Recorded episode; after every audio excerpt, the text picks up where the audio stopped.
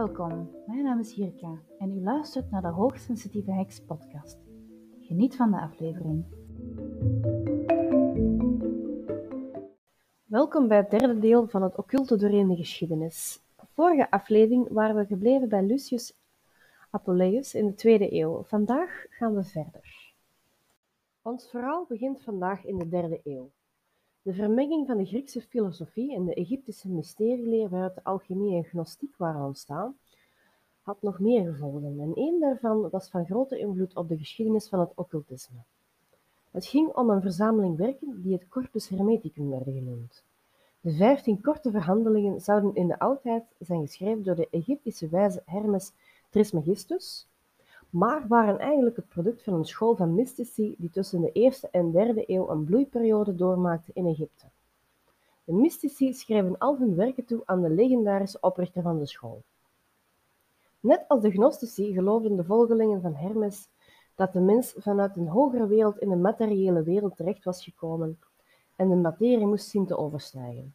Ze stonden afwijzend tegenover de gnostische bewering dat het heelal door een slechte god was geschapen en ze onderwezen zelfdiscipline, occulte filosofie, alchemie, astrologie en toverij. Zo zou een wedergeboorte worden bereikt waarbij de ingewijde weer werd verbonden met het spirituele rijk en zijn goddelijke krachten. Tijdens de laatste eeuwen van het heidendom werden exemplaren van het Corpus Hermeticum, net als andere soortgelijke werken, wijd verspreid door het Romeinse Rijk. Ze speelden dan ook een belangrijke rol bij de occulte spiritualiteit. Het, Corpus Hermeticum zou de geschiedenis van het occultisme pas echter eeuwen later echt beïnvloeden. Eén exemplaar wist de christelijke vervolging van het occultisme te overleven en zijn weg te vinden naar het Italië van de Renaissance. Nadat het was vertaald, verspreidde het visioen van een spiritualiteit op basis van occultisme zich als een lopend vuurtje door Europa, waarbij tradities in gang werden gezet die nog altijd bestaan. We gaan verder in 244. In de derde eeuw was de gouden eeuw van de klassieke filosofie al lang voorbij. Maar in het Romeinse Rijk werden de werken van Griekse filosofen nog veel gelezen en bediscussieerd.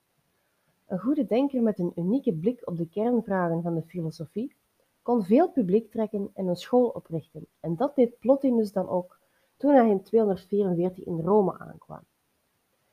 Plotinus was geboren in Egypte en hij had elf jaar in Alexandrië gestudeerd bij Ammonius, een belangrijke Platonische filosoof. In 243 sloot hij zich aan bij keizer Gordanius toen deze het Perzische Rijk binnenviel. Uiteindelijk werd Gordanius door zijn eigen soldaten gedood, waarna Plotinus met moeite terugkeerde naar het Romeinse Rijk.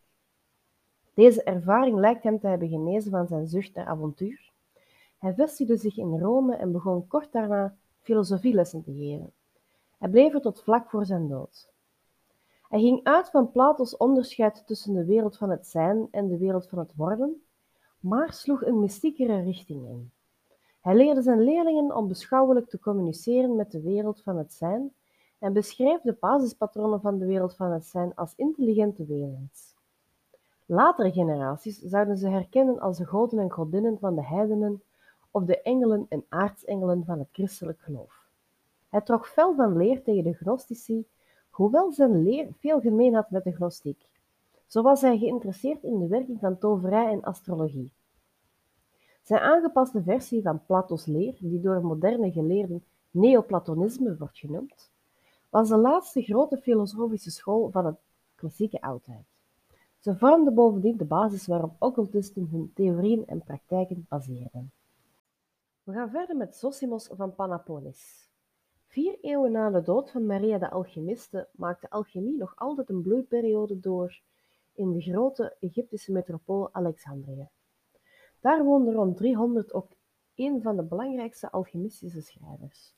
Zijn naam was Zosimos, hij was geboren in Panapolis in het zuiden van Egypte en had de oude stad Memphis bezocht om een oeroude alchemistische oven te inspecteren.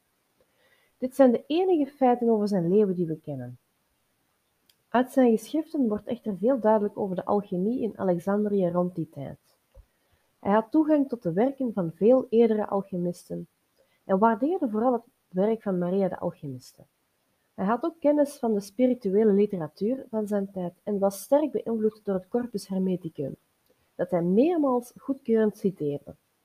Wat hem betreft draaide alchemie evenzeer om spirituele als om materiële transformatie. Sommige van zijn invloedrijkste werken zijn geschreven in de vorm van levendige dromen, waarin mysterieuze personen of plaatsen verwijzen naar de geheimen van de alchemie. Of hij nu de eerste was die dat op deze manier deed of niet, zijn werken hebben een belangrijke rol gespeeld bij het ontstaan van de mythen, metaforen en symbolen die centraal kwamen te staan in de alchemistische literatuur. Diverse van zijn boeken zijn gewijd aan een andere alchemist, Theosebia, een vrouw die een gerespecteerd alchemiedocent was. Ze waren het blijkbaar oneens over geheimhouding. Theosebia was traditioneel en vond dat alchemie alleen mocht worden doorgegeven aan een klein aantal leerlingen met een zwijgplicht, terwijl Zosimos vond dat alchemie met iedereen moest worden gedeeld. Er resteren geen documenten van Theosebia's hand, maar haar mening kreeg uiteindelijk de overhand. We gaan verder met de laatste heidense keizer van Rome in 363. In 313 verkondigde de Romeinse keizer Constantijn het edict van Milaan, waarbij de christenvervolging werd beëindigd en de christelijke kerk verschillende privileges kreeg. Christenen reageerden met een offensief tegen het heidense geloof, ondersteund door de regering, waarbij christelijke monniken en priesters waren gevrijwaard van vervolging. Voordat de nieuwe religie kon triomferen, zou echter na een onwaarschijnlijke reeks gebeurtenissen een heidense filosoof de troon bestijgen. Als zoon van Constantijns halfbroer had Julianus een vrome christelijke opleiding genoten. Hij wees het christendom echter af ten gunste van de heidense goden. Na een studie in Efeze in Athene had hij het magische neoplatonisme van Jamblichus omarmd. Toen Constantius II, de zoon van Constantijn, keizer werd, gaf hij Julianus de leiding over Brittannië en Gallië. Hij bleek een goede generaal en bestuurder te zijn die de barbaren aan de grens versloeg en de plaatselijke regering hervormde. De fanatieke christen Constantius werd jaloers op zijn neef. Julianus werd door zijn soldaten tot keizer uitgeroepen en toen Constantius in 361 plotseling stierf, erkende het hele Romeinse Rijk Julianus als erfgenaam van de keizers. Al snel riep hij op tot tolerantie voor alle religies, herstelde hij heidense tempels en priesterambten waar die waren afgeschaft en trok hij de privileges van de christelijke geestelijken in. In 362 werd hij door spanningen in het Perzische Rijk gedwongen om de hoofdstad Constantinopel te verlaten en met zijn legers naar het oosten te gaan. In het jaar daarna leidde hij de Romeinse legers, bij Ctesiphon naar de overwinning, maar raakte kort daarna dodelijk gewond. Zijn dood vormde het einde van het klassieke heidense geloof. Zijn betrokkenheid bij theurgie legde de basis voor de daaropvolgende eeuwenlange vervolging van het occultisme. Dan komen we bij het einde van de mysteriën van Eleusis.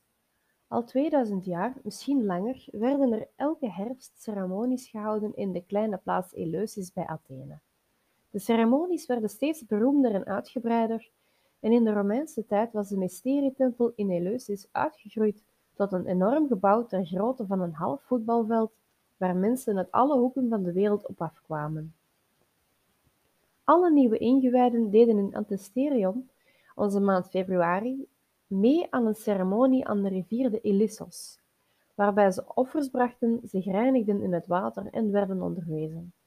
Anderhalf jaar later liepen ze in Butromion, onze maand september, naar Eleusis, waar ze s'avonds aankwamen. Daar betraden ze de tempel waar de inwijdingsceremonie werd gehouden. Niemand weet nog waaruit die bestond, maar oude schrijvers stellen dat de leden daarna geen angst voor de dood kenden. Zelfs na de opkomst van het christendom hielden de mysteriën van Eleusis een tijd stand. Onder Julianus brak zelfs een bloeiperiode aan. Toen in 384 een nieuwe keizer bevelschrift uitvaardigde dat nachtelijke heidense bijeenkomsten verbood, besloot de Griekse proconsul Vettius Agorius Pretextatus dit met gevaar voor eigen leven te negeren. Evengoed stonden de mysteriën in hun laatste jaren sterk onder druk door politieke intriges en groeiende druk van christenen. In 396 vielen de barbaarse Visigoten Griekenland binnen. Deze hadden zich pas bekeerd tot het christendom en plunderden en vernielden alle heidense heiligdommen, waaronder Eleusis. Hoewel de oudste riten nog jarenlang in stand werden gehouden door kleine groepen heidenen, kwam er met de vernietiging van de tempel een eind aan de traditionele mysteriecursus cultus van Eleusis. Bedankt voor het luisteren en tot de volgende keer.